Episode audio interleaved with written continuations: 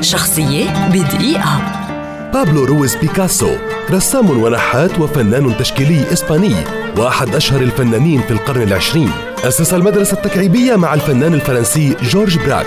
ولد في ملقا في إسبانيا عام 1881 وظهر شغفه بالرسم منذ سن مبكرة ليبدأ دراسة الفن في سن الحادية عشرة متبعا طريق والده ومعلمه الأول الفنان خوسيه رويز.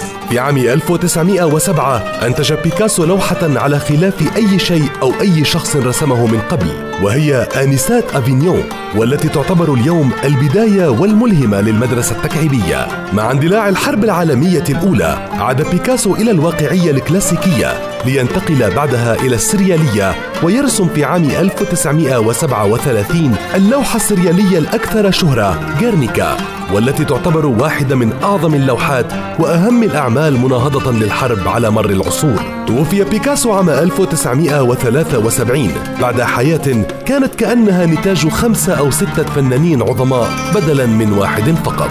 شخصية بدقيقة.